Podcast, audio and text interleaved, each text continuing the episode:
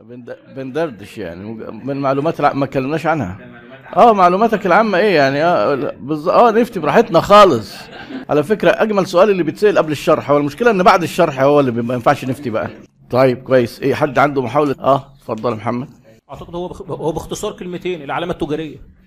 العلامة التجارية. يا خبر اختصرت قوي.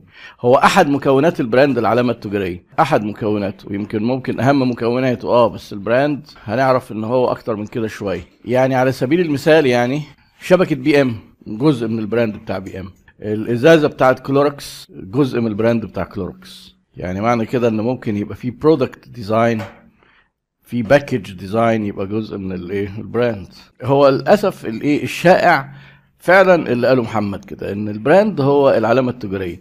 يعني brand مرسيدس هو النجمة اللي بتاعت مرسيدس دي. ال brand موضوع كبير وممكن نقسمه لموضوعين. إيه مكونات ال brand وإيه قوة ال brand بعد كده بعد ما نبنيه صح؟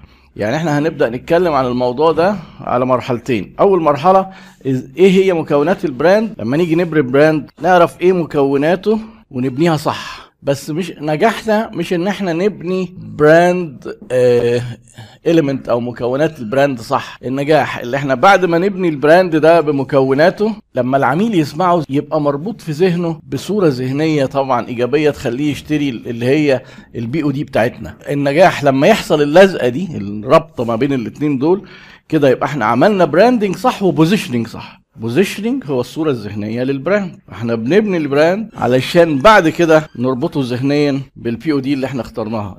نبدأ نصرف فلوس في ال P الرابعة لأن الرابطة دي مش هتتربط غير لما نقعد نوجه رسائل مكررة للعملاء علشان نربط الاتنين دول ببعض. طيب ال brand elements ده كده إيه؟ ال brand بيتكون من إيه؟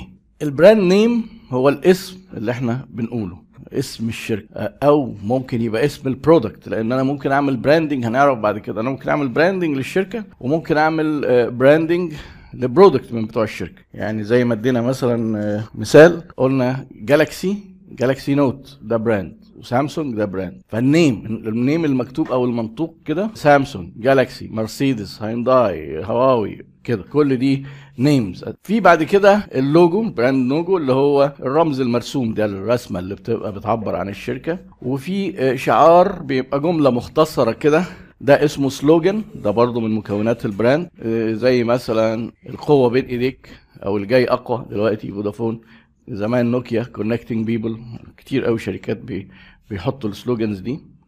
وبعدين في ارتباطات نفسية زي ما قلنا ارتباط بالمنتج. جزء الأسوشيشنز ده في حاجات كتير قوي بقى. يعني عشان كده ال brand أشمل من العلامة التجارية.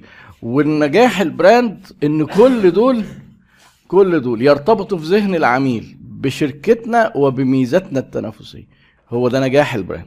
عشان كده في ناس بيقولوا ال brand is a promise. brand is a promise. هو وعد. لما أجي أقول لك فخامة يبقى أنا بوعدك لما تيجي تشتري مرسيدس إن أنت إيه، هتحصل على أفخم عربية. ويجوا هم في ال slogan مرسيدس يقولوا إيه؟ the best or nothing. يعني إيه؟ لما تيجي تشتري عربية يا تاخد أفضل عربية ما تشتريش خالص. the best or nothing. عشان يعبر عن الإيه؟ طيب خلونا نمشي بقى واحدة واحدة. إحنا هنمسك كل مكون من دول ونشرح أصح حاجة بتتعمل شكلها إيه في ال- يعني وإيه الغلطات المتكررة اللي بتتعمل في المكونات دي. وخلي بالك لو أنت غلطت في حاجة في ال brand name أو في ال في ال brand elements بشكل عام ده هيقعد طول الوقت ملازمك وهيقعد المشكلة دي طول الوقت بتكلفك فلوس زيادة. لأن إحنا هنقول إن أهم مواصفة في ال brand في ال elements بتاعته إنها تبقى سهلة وتلزق في أذهان الناس. فلما تيجي حضرتك تعمل حاجة ما بتلزقش هتصرف فلوس عليها زيادة عشان تلزق. لكن لما تكون سهلة تلزق في أذهان العملاء فأنت هتصرف أقل. فالغلطة هنا مكلفة.